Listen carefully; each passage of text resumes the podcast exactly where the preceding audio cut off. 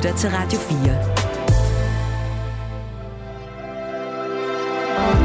4. Velkommen til Mellemlinjerne. Din vært er Malte Burala.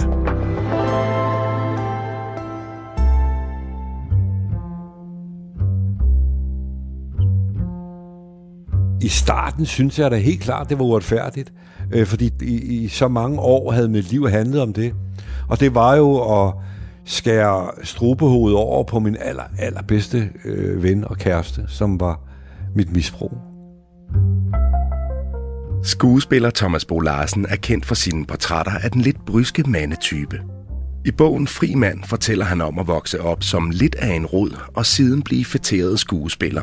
Og om hvordan alkohol og stoffer har været medspiller hele vejen. Jeg tror, jeg har været alkoholiker, øh, eller afhængig lige siden jeg har været de her 12 år. Lige så snart jeg, lige så snart vi begyndte på gas eller, eller has. Frimand er fortællingen om at leve med et misbrug, men det er også fortællingen om at leve med en misbruger. Undervejs i bogen fortæller ekskærester, kollegaer og sågar Thomas Bo Larsens datter om at være vidner til hans afhængighed.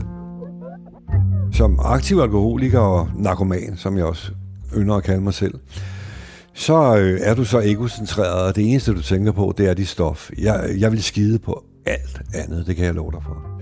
Den djævel, der har sat sig ind i hovedet på mig, han vil have mere og mere og mere og mere og mere. Jeg hedder Malte Vorela. Velkommen til Mellemlinjerne.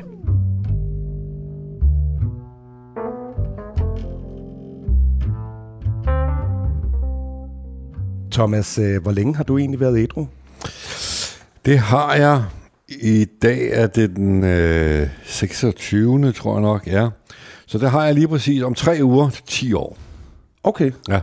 Og er det okay, at jeg bare sådan spørger dig på den her måde? Du kan spørge lige, hvad du har lyst til. okay. Og jeg spørger selvfølgelig, fordi at vi sidder her med din nye bog, ja. Fri Mand, som du er aktuel med, og det er en bog om, om dit liv, ja. fra du var barn og indtil i dag. Og øhm, den handler om, hvordan at afhængighed og misbrug i mange afskygninger har været en del af, af, af dit liv. Ikke? Ja. Den skal vi tale om i dag, men inden vi kommer dertil, skal vi så ikke lige fortælle lytterne, hvor vi, hvor vi sidder? Vi sidder inde øh, i min spisestue på Bryggen. Jeg bor her på Bryggen og har boet her i, ja, i 9,5 år eller sådan noget. Stil. Okay. Ja. Og jeg har boet her 10 år, tror jeg. Ja. Okay. Og jeg elsker at bo her. Jeg har fælden her som en baghave, og så har jeg 300 meter ned til vandet. Og så ned til Københavns Havn? Ja, ja. ja. Okay, så du har boet her øh, nærmest al den tid, ja. du har været... al den tid, jeg har været tror jeg har boet her. Har den sådan en særlig betydning for... Øh... Ja, det har den jo, fordi det var ligesom starten på et helt nyt liv. Før det, der boede jeg i... Øh, hvad skal vi kalde det... Øh, et mixmax af rod og øh, dårlige minder ude i Søborg. Jeg boede ude i en, ja, en stuelejlighed og en kælder, hvor jeg havde soveværelse nede i kælderen, hvor jeg havde gået til den for vildt i, i de sidste 3-4 år op til jeg blev ædru. Ja. Så det var ligesom også om at finde noget nyt og starte et nyt liv og og smide de her gamle minder væk om det her forfærdelige liv, det var at være fanget af den her sygdom, der hedder afhængighed. Ja, og det kommer vi jo meget mere ind på her ja. i løbet af de næste tre kvarters tid. Men ja, da man læser bogen og, og, og, og den periode, du beskriver, du beskriver jo mange forskellige øh, steder, du har boet undervejs gennem ja. din opvækst osv. Lige den periode i Søborg, den skal ja. vi jo nok også komme tilbage til, men, ja. men det er meget langt fra det, man måske umiddelbart vil forbinde med, øh, med sådan et liv som, som skuespiller, ja. og som, som, som hele øh, nationen er på fornavn med. Ja, ja, ja. Normalt så læser jeg sådan en kort præsentation op af øhm, interviewpersonen her, sådan inden vi sådan rigtig går i gang. Men der er jo mange, der egentlig vil vide, hvem du er, fordi de kender dig fra film ja. og tv og så videre. Hvis du skulle præsentere dig selv på sådan en sætning eller to, ja. eller fem for den sags skyld, hvordan ja. ville det så lyde? Jamen, det er, jeg hedder Thomas Bo Larsen, og jeg er øh, vokset op ude i Gladsaxe, og øh, jeg er uddannet glarmester, og jeg er uddannet skuespiller, og så har jeg lavet alt muligt indimellem. Øh, og øh, så er jeg alkoholiker på snart 10 år.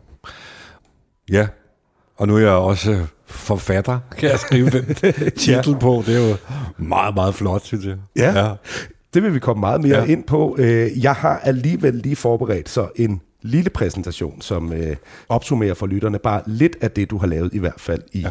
dit professionelle virke. Thomas Bo Larsen er født i 1963 og uddannet glarmester i 1984. I 1991 blev han uddannet skuespiller fra Skuespillerskolen ved Odense Teater og gjorde sig for første gang bemærket i medierne med sin afgangsforestilling Danny og Roberta. Siden har han medvirket i adskillige teaterstykker og har haft roller i en lang række tv-serier og film. For eksempel kultfilmhittet De skrigende halse fra 1993. Samme år medvirkede han i sidste omgang filminstruktør Thomas Winterbergs afgangsfilm fra Filmskolen. Og det blev begyndelsen på et årtier langt venskab og samarbejde mellem de to. Siden har Thomas Bo Larsen blandt andet spillet bærende roller i Winterbergs film De største helte, Festen, En mand kommer hjem, Jagten og Druk. Det er dog ikke alene i de store dramaer, man kan møde Thomas Bo Larsen. For eksempel har han medvirket i komedier som Solkongen og Store Planer, og så gav han sin fortolkning af den folkekære onkel Anders i tre nye udgaver af Far til fire filmene. Thomas Bo Larsen har høstet bred anerkendelse for sit skuespil og har blandt andet modtaget tre Robert-priser. Og nu altså aktuel med bogen øh, Fri mand, som har fået undertitlen Farvel til druk, stoffer og dæmoner. Hvorfor overhovedet udgive en bog? Det er faktisk et meget øh, lige til spørgsmål og, at besvare. Og det er fordi, vi har sådan et øh, motto i AA, at øh, vi får kun lov til at beholde den her kæmpe store gave, vi har fået ved at blive ædru, ved at give den videre. Og øh, det er det, jeg prøver lidt i bogen. Øh, jeg var rimelig langt ude og, og fortælle, at lige meget hvor langt ude man er, eller har været, eller bliver, så er der en vej. Der er et lys for enden af den her mørke tunnel, som afhængigheden er. Ja. Og, øh, og du kan få det fedeste liv, og det er jo derfor, jeg har skrevet bogen, for, fordi jeg kommet ud på den anden side, og fordi at jeg har brugt de sidste 10 år, hver eneste dag faktisk, i de 10 år, på at finde ud af, hvad den her sygdom handler om. Og hvordan den giver sig udtryk inde i mit hoved og i min krop og så videre og så videre. Og, øh, og har fundet en vej ud af det og, og lever et fantastisk liv i dag.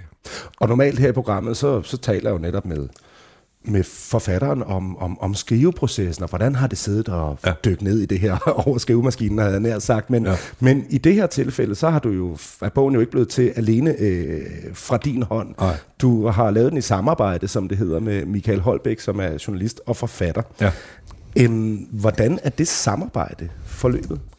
Jamen, det er forløbet øh, ret fantastisk. Altså, øh, jeg kan jo ikke skrive den selv, jeg er ordblind, så... Mm jeg er ikke så god til at skrive, og så, øh, jeg blev spurgt jo et par gange, om jeg ville lave den her bog, men jeg tog ikke rigtigt at gøre det og give mig i kast i det, fordi jeg var bange for, hvad fanden, hvis jeg fik et tilbagefald, og, så videre, og så videre. Og, men da der så var gået 10 år, og jeg havde lavet druk, og så videre, og var gået ud i medierne, så henvendte de sig igen til mig for politikens forlag. Jeg tror, det er for fjerde gang, eller sådan noget en stil. Mm.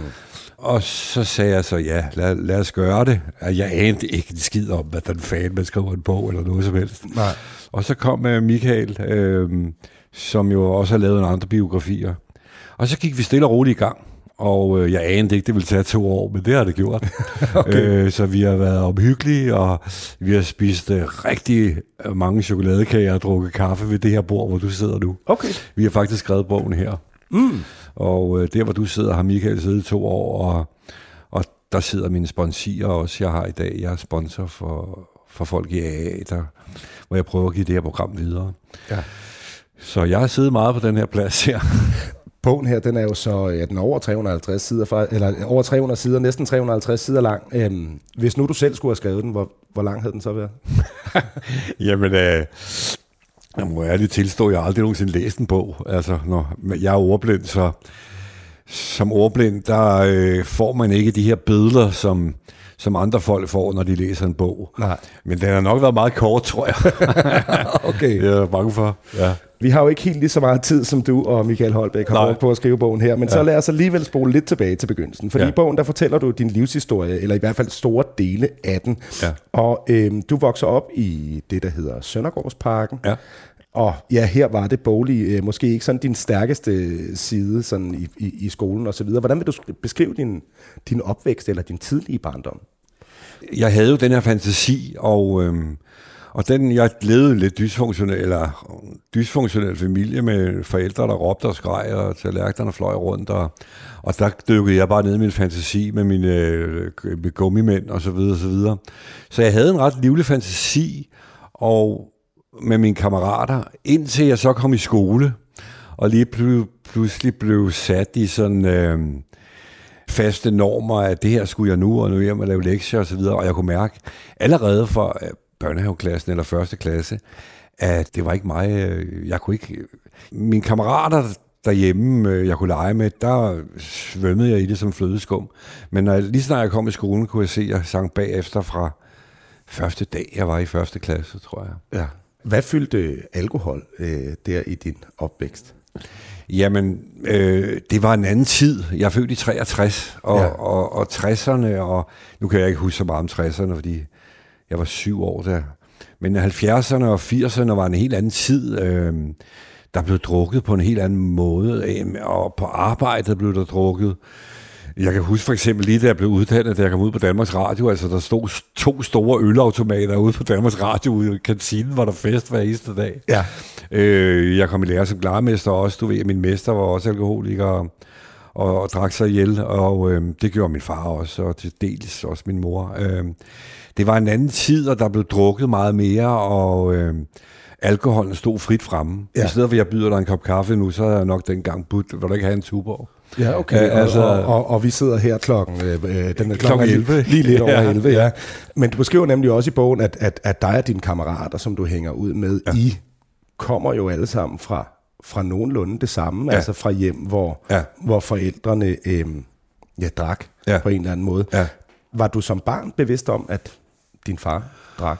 Overhovedet ikke. Nej. På nogen måde. Jeg, jeg skænkede ikke en tanke, fordi øh, det var jo normalen for mig. Jeg vidste jo ikke, øh, at der fandtes noget, hvor, hvor man ikke drak så mange bajere. Mm. Øh, eller hvidvin, eller rødvin, eller hvad fanden det var, de drak. Øh, og alle mine venner, som, som også de fleste af dem havde øh, problemer i skolen, og derfor fandt vi jo et fællesskab sammen. Deres forældre, mange af dem havde også et, et misbrug. Så øh, vi voksede op med det her med, at, at sådan er det. Og vi fandt så vores egen vej i det. Så for mig var det jo ikke fremmed, fordi det var jo alle omkring mig, der jeg var omgivet af, af, af alkoholikere, for at sige det mildt. Ja. ja. Og da du så er en stor dreng, der begynder du at komme i det, der hedder Værbro Parken. Ja, ja. ja. ja som 12-årig, ja. Ja, som 12-årig. Ja. Det er vel også en, en lidt ja. stadigvæk dreng i hvert ja, fald. Ja. Æ, og, og der, der er dine venner vel hvis man skal sige det lidt mildt, også lidt nogle rødder. Ja, øh, sige. ja, der er noget med, noget, med nogle øh, slagsmål, og ja, ofte ja. øretæver i luften. Ja. Øh, hvad, hvad var det for et sted, det der Værebroparken? Altså, jeg kan huske, der, var, der er et billede her i et fotografi, sådan et luftfoto i, ja. i bogen, hvor man sådan ser det fra oven. Det er en betonghetto. Ja. Altså, det er i ordets øh, oprindelige forstand en rigtig ghetto. Øh, den blev bygget jo øh, meget smukt. Øh, der var sådan et billede ud for den alle glasdørene i, i det her kæmpe øh, kompleks her, med sådan en... Øh, en øh, nøgen far og mor og et lille barn, der sad på sådan en lille bænk mm. øh, i et sauna.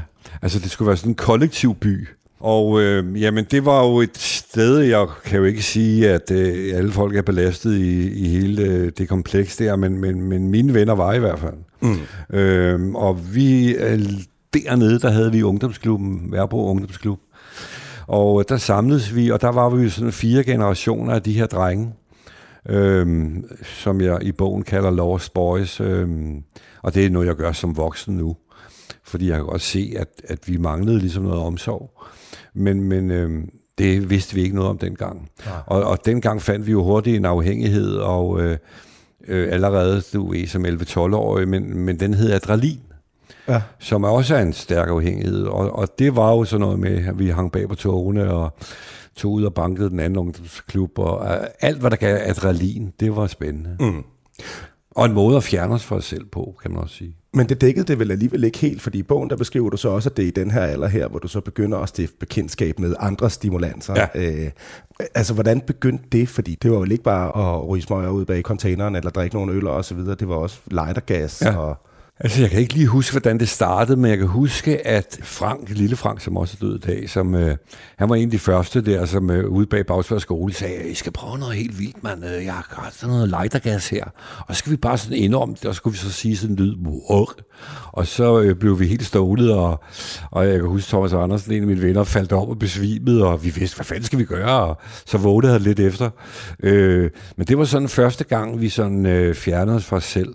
Og så langsomt kom sådan hasten øh, ind over, og den blev vi også fanget af, altså øh, fra første sekund. Men nu siger du godt nok, at det var en anden tid, og Ja. jeg er selv født i 86, så på den måde, så ja. kan jeg også bare forsøge at bruge min fantasi, men det lyder alligevel ikke som en normal opvækst, heller ikke for den tid måske. Nej, nej. Altså, det, det, var det jo heller ikke. Nej. Altså, fordi jeg havde jo masser af klassekammerater i, i, i Bagsvær skole, hvor jeg gik, og, og rundt omkring, og jeg kunne jo også godt se, at der fandtes noget andet. Og, øh, og mange af de her andre børn øh, havde vi jo ikke rigtig noget med at gøre, fordi det er jo klart, de var jo bange for os. Øh, altså næven, den sad sgu løst i lommen, og, øh, og det var jo også en eller anden mærkelig måde at... Øh, at det her med at skabe noget angst, det, det fik vi jo en eller anden måde sådan respekt for. Mm. Og det var jo en kombination af det her med at være dårlig i skolen. Så må vi jo finde noget andet at være gode til. Ja. Øh, men men det, du har helt klart ret, at det er ikke normalt, det at vokse op i. Det er noget, jeg først så som voksen. Du lytter til Radio 4. Det her er mellem linjerne, og jeg taler i dag med skuespiller Thomas Bo Larsen, og vi taler om din bog Fri Mand, som du øh, sender på gaden i samarbejde med journalist og forfatter Michael Holbæk. Øhm, det er fortællingen om din opvækst, om at være det, man vel kunne kalde utilpasset, for nu at bruge noget pædagogsprog, som du også har et lille opgør med Ja. ja. i, øh, i bogen. Øh, men så er det også din karriere, øh, eller fortællingen om din karriere som, som skuespiller. Ja. Øh, og den tog fart der i løbet af 90'erne, ja. begyndelsen af 90'erne. Hvordan fandt du egentlig ud af, at du skulle være skuespiller? Fordi det lyder jo ikke som noget, man umiddelbart vil aspirere til, når man øh, tæver de andre ungdomsklubber ja. og øh, sniffer lightergas og så videre. Altså, øh, jamen det kom så ved jo altså, lidt ved en tilfældighed på en eller anden mærkelig måde. Øh, man havde sådan nogle tilbud i Gladsaxe Kommune, hvor man kunne gå til forskellige ting om aftenen, og, og så gik vi til noget foto, og jeg tror, vi pissede i den der væsken i, i fremkaldervæsken, og, og øh, øh, ja, øh, og så øh, var det min søster, tror jeg, der sådan nævnte om, øh, hvad med dramatikundervisning, og, og så kom jeg ind på noget, der hed røde papirer. Det var dengang, at øh, hvor jeg kunne komme ind på ungdomsskolen og lave det dramatik. Og, og jeg var der en gang, og det fangede mig bare første gang, okay. øh, jeg var der. Og jeg var jo nok øh, 12 år eller sådan noget den stil. Øh, og allerede da jeg var færdig, så glædede jeg mig allerede til næste tirsdag, hvor jeg skulle der til. Fordi jeg fandt lige pludselig en lomme, hvor jeg kunne bruge den der fantasi, øh, som jeg kommenterede på i starten af, af vores interview. Øh, og her kunne jeg give fantasien fuld los, og der var ikke nogen mænder eller pegefinger eller noget som helst. Så øh, på en eller anden måde kom jeg i sådan en tilstand, når jeg spillede teater, allerede som 11-12-årig. Ja. Og, og jeg kunne se, at mine lærere syntes, det var godt, det jeg lavede, så, så øh, jeg fandt noget, jeg var god til. Det er sjovt det der med, at du så begynder på øh, sådan noget dramaundervisning på røde papirer, fordi det er jo egentlig et, et udtryk, man ellers kender fra psykiatrien og så videre, hvis folk er blevet indlagt med tvang. Ja, ja. Men du blev så simpelthen tvangsindlagt til... Øh, dramatikundervisning. ja, det må man nok sige. Ja. Du kommer jo så ind på skuespillerskolen i Odense. Nu spoler vi lige lidt Ja. ja. fremad, men, øh, øh, øh, og, og, og flytter til øh, Odense. Ja. Hvordan oplevede du mødet med den verden? Fordi du har jo... Altså det er jo noget, virkelig noget andet, Ja. end det du kommer fra, ikke? Jo, altså som sagt, så var det det samme igen. Altså det var første gang, at jeg sådan kom ud. Jeg havde været håndværker i mange år og arbejdet på samlebåndsfabrikker og så videre og så videre. Øh, og det var jo ligesom det samme klientel, og der blev også drukket på arbejdspladsen og så videre. Og lige pludselig kom jeg så ud et sted, hvor for det første, de fleste af mine medstuderende øh, havde studentereksamen og havde været konkurrence med hinanden og, og så videre, så videre, og det anede jeg ikke noget om. Samtidig med, at jeg også var øh, skabsordblind. Altså det vil sige, jeg var ikke kommet ud af skabet nu og fortalte, at jeg var ordblind. Så jeg kunne godt se, øh, jeg elskede dramatikken, men alt det boglige, hvad fanden skulle jeg gøre? Ja. Og ved siden af, det stussede jeg over, da jeg læste bogen. Du gør jo meget ud af i løbet af din opvækst at fortælle om den her utilpassethed, men også om øh, hasmisbrug ja. og få en haspsykose som 18-årig, tror jeg, det ja. var, og, og, og det her lightergas og alkohol og så ja. videre. Så kommer du på skuespillerskolen, og i de år, hvor du beskriver der, der ja. er det ligesom om, at drukfortællingen eller misforsfortællingen træder en anelse i baggrunden. Ja. Var det også sådan? Øh, nej, det var det jo ikke, fordi altså, jeg tror, jeg har været alkoholiker, øh, eller afhængig lige siden jeg har været de her 12 år. Lige så snart jeg, lige så gang vi begyndte på gas eller, eller has. Så, men det var jo bare sådan, da jeg kom ind på skuespillerskolen, så, så havde jeg jo denne her, de her øh, hverdagene, øh, hvor jeg selvfølgelig lavede min dramatik og passede med min undervisning. Og så glædede jeg mig bare helt vanvittigt til, det blev weekend. Ja. For der kunne jeg give den los, ikke? Så, øh, altså, og det er jo en mærkelig sygdom, alkoholisme. Altså, der jo findes jo læger og kirurger og piloter, jeg skal komme efter dig, øh, som lider af den her sygdom, eller har lidt af den, som jeg har mødt. Og, og jeg kunne også godt passe min skole, og jeg også kunne passe, jeg, jeg, jeg ved ikke, hvor mange film jeg har lavet, jeg, 60-70 stykker, eller. Mm. Og det har jeg jo også godt kunne lave. Og så havde jeg bare den her medalje til sidst på dagen, eller til sidst på ugen, da jeg gik på skuespillerskole, at så kunne jeg fandme øh, drikke mig stiv, ikke? og så var jeg helt færdig om mandagen. Og, og, og øh, ja, misbruget var der, ja. men, men det var bare ikke trådt i fuld flor, som det gjorde til sidst. Nej, du beskriver, at du havde sådan en filosofi med, det, hvordan var det? Det var det noget, du har hørt i et interview, men noget med, at der var en, der sagde, at hvis man kunne vente til klokken 18... Ja, det var øh, øh, øh, Kurt Trampedag.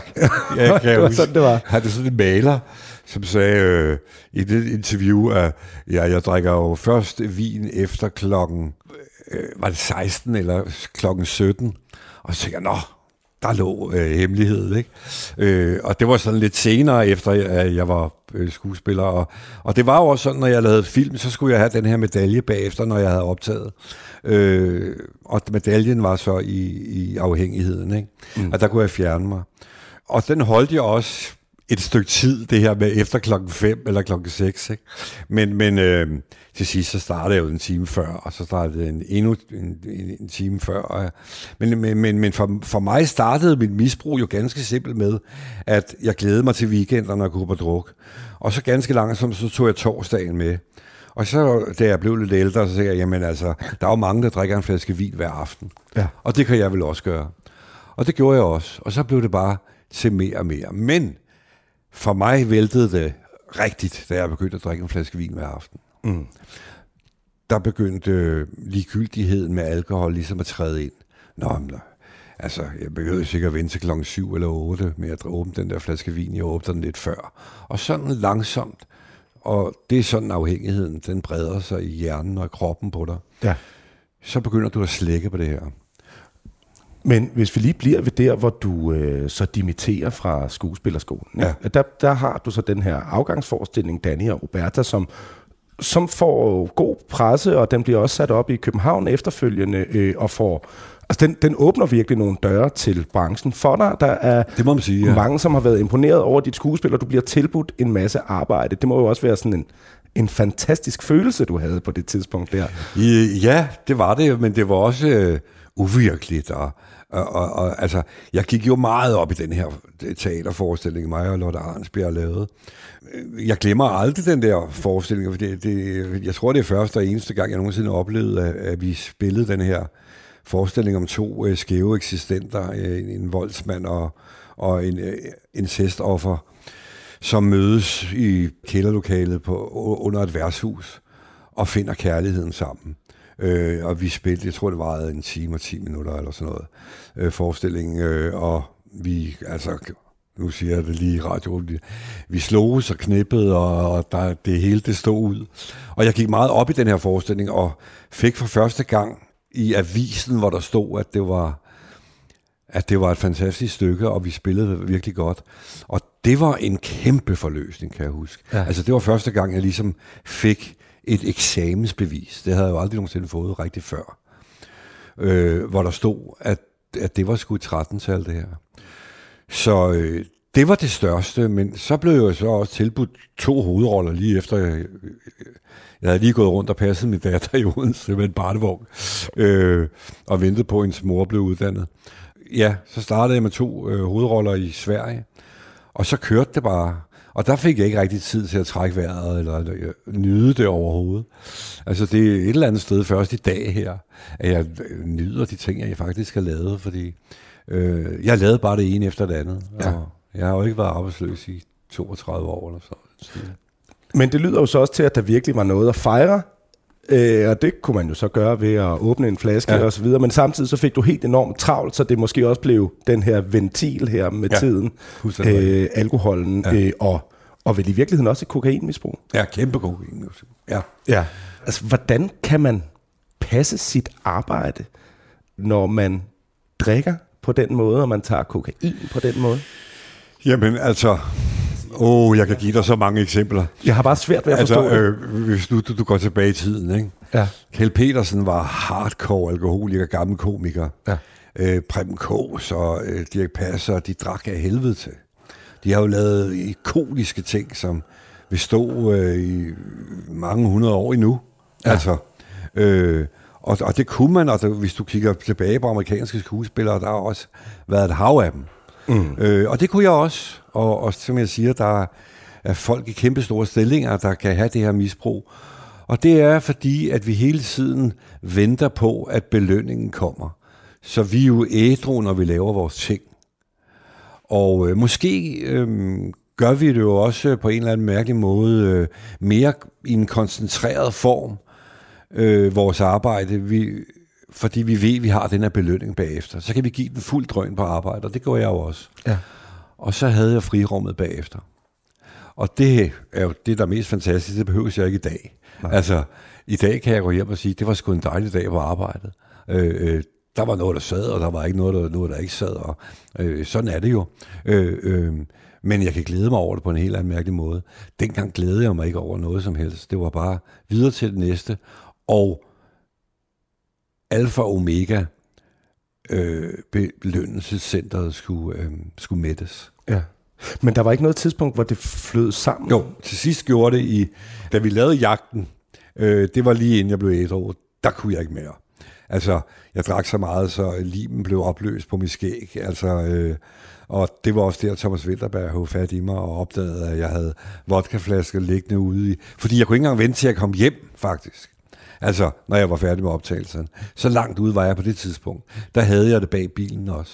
Altså, du skulle bare ud af, af, af sminken? Og ja, så... jeg skulle bare ud af sminken så hurtigt jeg kunne, og, og have, have mit belønningscenter.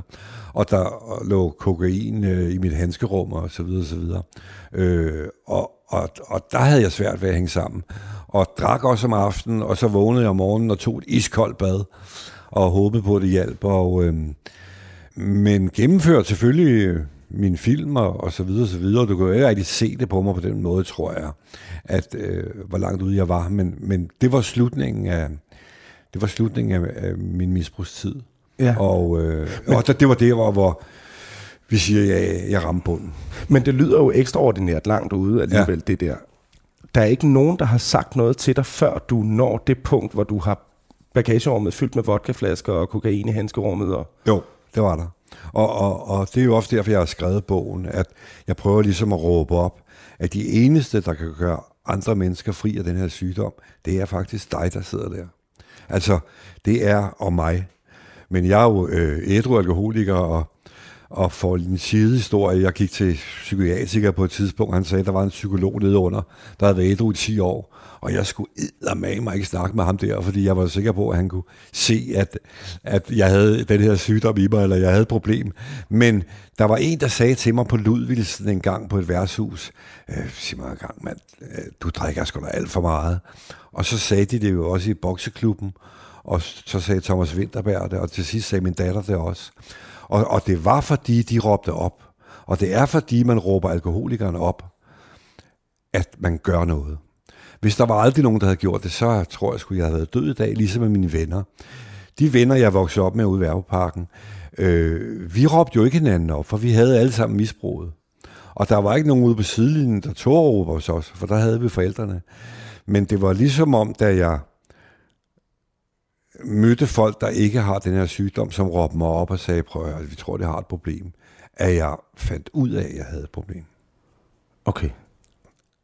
Forstår du, hvad jeg mener? Altså, forstår du, at, at de her stemmer, som sidder i misbrugens hjerne, som, som banker på, når jeg så, du ved, har tømmermænd, så der var en, der nævnte det her med, og, og som man også siger som alkoholiker, når det, når det har været værst, i morgen, der drikker jeg kraftet mig ikke. Jeg lå også at afgifte mig selv ude i Søborg, og det er ganske forfærdeligt. Det tager 12 timer, og øh, der ligger du på øh, vippen mellem liv og død.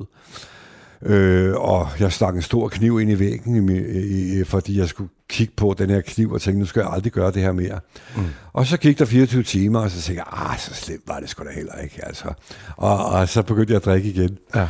Men de her stemmer i baghovedet, som havde sagt til mig, om måske du har et problem, var grunden til, at jeg tog fat. Der er ikke nogen skam i at være alkoholiker. Det er der ikke nogen skam i. Men der er en skam i ikke at gøre noget ved det. Og det var det, jeg så begyndte på der. Ja, det var så det vendepunkt der ja. omkring år 2013, ja. må det have været. Ja. Og der boede du så ude i den her stuelejlighed, kælderlejlighed ja. i Søborg. Jeg var der ikke så meget. Jeg var mest ude ved Park. Og ja, der blev gået til den op til. Ja. Så, så hvad var det egentlig, der blev vendepunktet? Var det det, at Thomas Winterberg han så sagde, nu er du opdaget afsløret på? Nej, det var ikke, det var ikke altså, det er jo en blanding af mange ting. Øhm, men det var de her stemmer inde i hovedet, der havde sagt det, og jægeren i bokseklubben havde også nævnt det. Men så nåede jeg til et andet punkt, og det var, at kroppen ikke kunne følge med mere. At jeg begyndte at få nervebetændelse i benene, og jeg havde svært ved at gå, og, og øh, ja, altså, jeg tog et billede af mig selv, kan jeg huske, ned den der kælder. Jeg har det desværre ikke mere. Men øh, jeg, altså, min fantasi og min forestilling i dag var, at jeg lignede monster. Øh, langsomt gik det op for mig. Jeg nåede bunden, og kroppen begyndte også at sige nej. Hjernen blev faktisk ved, og det vil den blive ved med, indtil du dør af, af den her sygdom. Men min, min krop råbte op, og de her stemmer ind i hovedet. Og, øh, og så tog jeg jo til mit allerførste A-møde, og, og det var jo øh, skæbnesvanger for mig, for jeg kom ind til det her møde, og der sad seks, syv mand med, altså jeg kalder juleløs i øjnene, og de sad i pænt tøj, og, og, og jeg satte mig ned og tænkte, øh, hvad fanden skal jeg sidde her for? De aner der ikke noget om, og de her mænd fortalt fuldstændig den samme historie, som jeg var i. Og jeg kunne se, at de havde det pissehammerende godt. Og jeg tænkte, det der, det vil jeg skulle have. Og øh, øh, vi har et slogan i AA, der hedder, er du villig til at gøre hvad som helst? Og det var jeg. Ja. Og øh, så startede jeg en rejse. De fleste har jo hørt om, om anonyme alkoholikere eller ja. AA, men har måske ikke sådan et, et, et klart indtryk af, hvad det egentlig går ud på. Ja. Er det bare noget med at sidde i en rundkreds og sige... Øh... Jeg har aldrig nogensinde siddet i en rundkreds, tror jeg. jamen, se bare der, ikke? Det, det ser man på film, ikke? Jo. Øh, øh, jamen, altså, det er jo fantastisk. Det er jo vildt, hvad det er, det er, fordi jeg gik jo til psykolog og psykiatriker og til læge, og det gjorde min far også, og så videre, og så videre. Hvad fanden er det, der er galt, ikke? Og der var ikke nogen, der kunne gøre noget ved det. Og jeg gik jo også til skole, skolepsykolog allerede i 5. 6. klasse, og, og, og der sad jeg og fortalte min egen historie. Men, men det, her, det her program, der er i AA, det er jo i virkeligheden, at du bare sidder med nogen, der har været ude for det samme. Det er i virkeligheden bare det.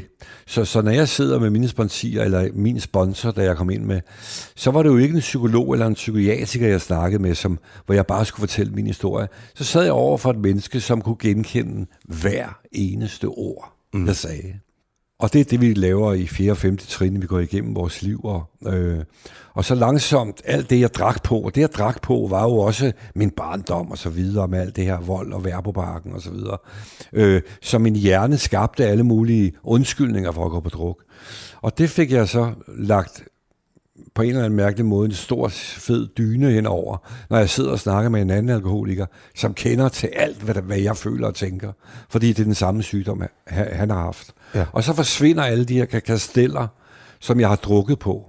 Alt det, jeg har, al den selvmelidenhed, jeg har drukket på, som sagt, åh, det er synd for lille Thomas. Det har jeg siddet med en anden mand, som sidder og ædru og har været det i mange år og har det pissegodt. Ja. Han sidder og fortæller om, at jeg har været fuldstændig samme sted. Og det er der noget utrolig helbredende i. Og så er det bygget op omkring nogle, nogle trin også, ja. man skal igennem. Ikke? Ja. Altså de her 12 trin. Ja. Undervejs, så, det er jo, så er man et godt stykke hen i sin proces, men der er der noget, der handler om at opsøge folk, som har været en del af ens liv, ja. og som man har... Som man har gjort skade på. Ja. ja. Fordi øh, som aktiv alkoholiker og narkoman, som jeg også ynder at kalde mig selv, så øh, er du så egocentreret, og det eneste, du tænker på, det er dit stof. Jeg, jeg vil skide på alt andet, det kan jeg love dig for. Ja. Øh, fordi det eneste, der... Øh, den djævel, der har sat sig ind i hovedet på mig, han vil have mere og mere og mere og mere og mere. Så derfor... Øh, havde jeg ikke noget problem med at tage røven på folk, eller bylde dem løgnehistorier ind, for at få det her belønningscenter mættet. Og øh, øh, kærligheden til, mm, jeg ynder i bogen også at kalde det min bedste ven, øh, det var jo alkoholen, det var det, jeg kunne få fri. Han betød mere for mig end selv min øjesten i dag, mit store hjerte, min datter, ja. øh, og mine aller, allerbedste venner. Og fordi jeg har gjort det i så mange år, og, og, og de har altid stået i anden og tredje række, så når jeg blev ædru, så er det vigtigt, at jeg begynder at se på min gøren og laden i, i, i den lange tid, jeg har været aktiv, og gå ud og prøve at gøre det godt, godt igen. Og det er også derfor, jeg har de her mennesker med i bogen, hvor jeg siger til dem, hvor jeg har sagt til dem, inden at de starter, du skal ikke spare på et komma eller et punktum, du skal fortælle det fuldstændig, som det var. Og det er jo fantastisk, det gør de også. ja, det var nemlig det, jeg skulle ja, til at spørge til, ja. fordi mange af de her stemmer, ja, ja, dem som i hvert fald findes øh, fortsat, ja. de er med i, øh, i bogen, og ja. det kunne være dine ekskærester, ja. øh, samarbejdspartnere, kollegaer, Thomas Winterberg fylder meget i bogen ja, også, min øh, og din datter ja. også. Og det var din egen idé, at de skulle med os. Ja, det var det. Var det også sådan et forsøg på sådan en yderligere forsoningsproces, eller en udvidelse nej, af det her det 8. og 9. trin? Nej, eller hvad? nej, overhovedet ikke, fordi det havde jeg lavet på dem. Ja. Det havde jeg lavet på dem, og alt er i orden. Men det er for at råbe, ikke kun den aktive alkoholiker men også råbe alle dem, der er rundt om en alkoholiker. Ja. Høre deres stemme også. Min stemme, det er øh, alkoholikeren, narkomanen. Øh, det er min stemme, men, men alle dem, der er ved siden af, som, altså, som sagt 600.000 drikker for meget, eller, og, og, og halvanden million mindst, er rundt omkring øh, alkoholikerne eller narkomanen. Og deres stemmer er lige så vigtige at høre, mm. øh, fordi der er virkelig mange mennesker rundt om. Så det er jo, når folk læser den her bog, som kender en alkoholiker, det er der jo rigtig mange, der gør, eller en narkoman, så kan de jo, er mit håb, at de også hører deres egen stemme igennem øh, dem, jeg har med i bogen her. Ja. Der er jo nogle sjove betragtninger undervejs, øh, også fra de unge år, ja. men, men der er også nogle ret, lad os sige, triste øh, ja. betragtninger ja. fra for eksempel en, en kvinde, du har øh, boet sammen med, øh, ja. sammen med hendes datter ja. også, at, at datteren faktisk kommer til hende på et tidspunkt og siger, at jeg har oplevet, ja. opdaget, at da ja. jeg spillede Playstation med Thomas, jamen, så mm. skulle han hele tiden over i klædeskabet, ja. fordi der havde du en... Kokstreg læste. Ja, ja, præcis. Altså, du har jo levet det her. Øh, nu skal det ud til en offentlighed, de ja. her fortællinger også. Hvordan har du det med det? Jamen, det har jeg intet problem med overhovedet. Øh, øh, øh selvfølgelig gør det stadigvæk af i mig at høre det, øh, øh, hvad jeg gjorde, og, og øh, min opførsel, og, og det her kæmpe ego, som er blandet med en meget lille selvværd, som jeg rendte rundt i. Øh, men det er vigtigt, at jeg, at jeg skærer ind til benet, og det er også vigtigt, at de, og, og det er jo en dybt taknemmelig over, at de øh, ikke holder tilbage, at de fortæller direkte, hvordan det var. Fordi det er jo sådan, som andre mennesker, der er, er blandt en misbruger, også vil føle det, kunne jeg forestille mig. Og, og det er der, hvor jeg er med, og øh, også som bevis på, at det ikke er bare mig, der sidder og fortæller om, at så drak jeg så en flaske vodka osv. osv. Men, men også nogle vidner på min sygdom, øh, hvordan den var. Raske mennesker. Øh, det har været lige så vigtigt for mig. Var der nogen, der ikke havde lyst til at være med i bogen? Nej, det var der faktisk ikke, okay. tror jeg. Nej. Jamen, det kunne jo godt være, at der var, alligevel var nogen, som, ja. som ikke var parat til så at være en del af, af Altså, jeg kunne projekt. godt have spurgt mange andre også, altså mange flere også, men øh, jeg tror, der er ret mange med. Jeg, kan ikke huske det, 8, 9 stykker eller 10. der var sikkert nogle andre, jeg også kunne have spurgt, men, men, men øh, nu koncentrerede jeg mig om dem her. Du lytter til Mellemlinjerne på Radio 4. Hvis nu man kender nogen, som man forestiller sig af misbrugere af ja. en eller anden art, hvad, hvad, hvordan skal man så gribe det an? Hvis man, der er jo mange, der føler, at de har sagt det. Ja. Skal man så bare blive ved? Nej, det tror jeg egentlig ikke, man skal. Man skal i hvert fald bare sige det en gang. Altså, jeg kan ikke svare dig på det her. Øh, ganske enkelt. Og jeg ved heller ikke, hvor øh, øh, sygdommen stammer fra, om den er arvelig. Og det, det diskuterer vi jo tit i AA. Der er mange, der er vokset op øh, øh, i ACA, som det hedder, voksne børn alkoholikere. Og der er også mange, der kommer fra helt normale, kærlige hjem. Så der er ingen, der ved, hvor det kommer fra. Men jeg ved i hvert fald, at hovedparten er, at man er blevet råbt op på et tidspunkt. Der er jo også noget, der hedder øh, invasion, øh, når man kommer i behandling af, at der kommer en behandler hjem til dig, og så sidder hele familien, og så siger de det alle sammen til en. Og så kommer man så i behandling. Men det kan også godt blive en tvunget behandling. Altså at misbrugeren ikke selv erkender sit problem. Men det eneste, man kan gøre, øh, og det er egentlig ikke ret meget, det er i hvert fald bare at råbe det op. Og det kan sgu godt være, at du får et vredt svar tilbage. Øh, hvad fanden blander du dig i det for? Og ja. så videre, så videre. Men du har i hvert fald gjort det, og jeg ved, at du har plantet et frø, hver gang du siger det til en aktiv alkoholiker narkoman. At øh, du planter et frø, hver gang du siger det. Er det formålet med den her øh, bog, at plante et frø i offentligheden? Ja, fuldstændig rigtigt. Ja, altså råbe sygdommen op, nogle gange tager jeg det lidt op, fordi øh, jeg, jeg synes, det er en meget god sammenligning til folk, der ikke ved, hvad misbrug er. Men altså, hvis nu jeg var skaldtyr allergiker, jamen, så ville jeg ikke spise skaldyr. Og, og, og, og fordi ellers så hæver jeg op i hele hovedet. Og, og det samme er, er det med alkohol. Eller med, hvis du lider af kraft, så har du, så er det jo klart, så, så har du en, øh, en omsorg øh, for din nærmeste, fordi du lider af en uhelbredelig sygdom der hedder kraft. Og det samme er det med alkoholismen. Øh, øh, det er også en sygdom. Men man opfører sig så bare øh, så langt ude, så, så man har svært ved at nærme sig den her. Men det er syge mennesker, som, og det er derfor, jeg har skrevet bogen, jeg har selv været i det.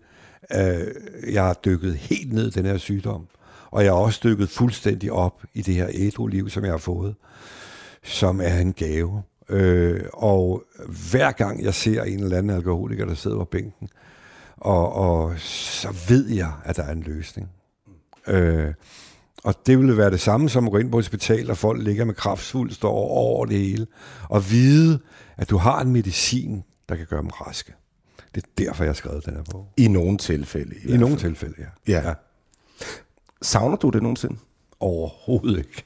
men, men, Nej, det gør jeg sgu ikke. Okay, der, der er Nej. ikke noget ved den Nej, der? Nej, overhovedet ikke.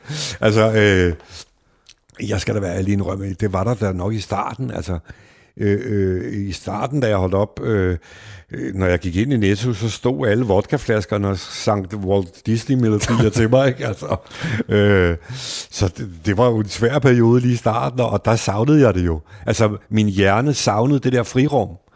Men efterhånden, som jeg har arbejdet med det og fundet ud af, hvad fantastisk det er at være ædru, øh, jeg elsker også stadigvæk at gå til fester, altså jeg synes, det er skide sjovt. Jeg bliver jo også lidt fuld, og, og øh, jeg har bare ikke tømmermænd bagefter, og det var det samme med filmen Druk. Jeg spillede så ham og stiv, og, og, øh, men, men jeg har ikke tømmermænd bagefter, og, men, men jeg er til en fest, og jeg er der måske to timer, og når folk begynder så at sige, nu skal, jeg, nu skal jeg fortælle om dem selv hele tiden, og så derfor jeg stille og roligt af, og så tager jeg min bil og kører hjem øh, ædru, ja. øh, øh, og har haft en dejlig aften. Øh, men jeg savner det på ingen måde. Jeg havde jo også et tilbagefald efter ni måneder, som jeg også beskriver om i bogen. Øh, og øh, vi siger også, at det er den samme station, du står af på, som du stiger på igen. Det vil sige, at det store misbrug, jeg havde med en hel flaske vodka og to liter vin, det var det samme, jeg endte på igen. Så jeg ved, hvis jeg tager en drink, så dør jeg.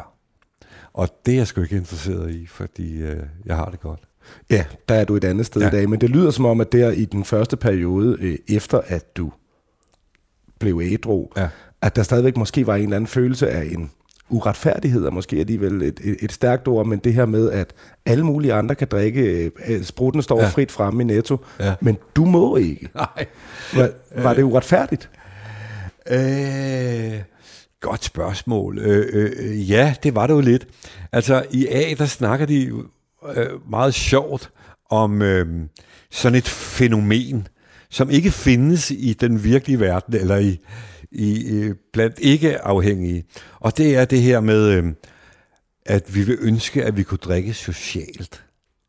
Øh, og hvad betyder det at drikke socialt? Jamen det er jo det her med, at vi bare kunne sidde til en eller anden middag og, og drikke et glas vin eller to. Men når man er alkoholiker og ramt af den her sygdom, jeg tror sgu aldrig nogensinde, jeg har drukket en bajer. Altså, eller to, og så gået hjem. Fordi så uh, cravingen, den kom. Øh, øh, men hvis man kan drikke et glas vin, og, og, og overhovedet ikke tænke på det mere, jamen så har man ikke noget problem. Men hvis cravingen kommer, og du har lyst til mere, så er du på vej ind i sygdommen. Mm. Øh, så jo, det er det uretfærdigt. Og jeg har ingen intentioner om at skulle drikke socialt overhovedet. Jeg har det dejligt med at, og, og så drikker, drikker jeg en, øh, en, en, en lys øl måske, øh, så jeg ikke skiller mig for meget ud, hvis jeg er til et fest. Øh, men øh, i starten synes jeg da helt klart, det var uretfærdigt, øh, fordi det var alt, i, i så mange år havde mit liv handlet om det. Og det var jo at skære strubehovedet over på min aller, allerbedste øh, ven og kæreste, som var mit misbrug. Øh, så derfor skreg min hjerne ud til mig, hvad fanden laver du? Mm. Øh, og øh, da man så gik ind i det, og, og, og, og, og denne her ven, der har siddet på ryggen af dig i så mange år, langsomt blev lettere og lettere, og til sidst blev til støv. Men jeg er stadigvæk kun ædru en dag ad gang i dag, selvom jeg har været ædru i 10 år. Og, og jeg fik jo også, som jeg også beskriver i bogen, jeg troede, jeg var befriet fuldstændig for, for det her med øh, drikketanker og drikketrangen og så videre, så videre. Men den kom jo på et tidspunkt i, øh, øh, det er ikke mere end fire år siden, hvor jeg var i på Tenerife, og tabte min punkt ned igennem en elevator, og det var juleaften, og jeg kunne ikke komme hjem, og der var et kæmpe barskab fuld af vodka, og jeg kunne ikke ringe til nogen, og, og jeg var helt lost, mine billetter til flyveren var der. Og øh, der fik jeg lige pludselig trang igen. Men øh, den var meget kort. Ja. Øh, øh, så jeg vil aldrig, tror jeg, sige 100% at jeg er fri for det. Øh, men jeg har ikke noget behov for det. Fordi at jeg ved, at jeg ikke kan drikke øh, øh, et øl. Jeg har, øh, en øl er for let, og, og tusind er også for let. Ikke? vi skal til at øh, slutte, men hvis nu, at vi skulle gå ud på et stykke musik, ja. hvad skulle det så være? Jamen, der blinker jeg ikke et øjeblik. Det kan kun være et nummer. Ja. Det er et uh, nummer af Thin Lizzy, uh, der hedder I Got To Give It Up. Og det er et nummer om uh, faktisk alt det, vi lige har siddet og snakket om. En, en, en sanger, der fortæller om, jeg bliver nødt til at slippe det her, ellers så dør jeg. Jeg har et problem. Det er den allerførste fase af det med at blive ædru, som den her sang handler om. Uh, Thin Lizzy, I Got To Give It Up. Tak fordi, at du vil være med i Mellem Linjerne, Thomas. Det var så let. Det var en fornøjelse. Thomas Bo Larsens selvbiografi Fri Mand, skrevet i samarbejde med Michael Holbæk, den udkommer den 31. oktober, og det gør den på Politikens forlag. I've got to give it up. Ikke mere mellem linjerne i denne omgang, men lyt med igen om en uge, hvor jeg taler med journalist, radiovært og UFO-ekspert Frederik Dirk Skotlieb. Han har skrevet bogen UFO-mysteriet, og den dykker vi ned i. Indtil da, så kan du som altid finde alle de tidligere udgaver af Mellem Linjerne, og det kan du for eksempel i Radio 4's app, eller der, hvor du ellers lytter til podcasts. Jeg hedder Malte Vorela. Tak fordi du lytter med.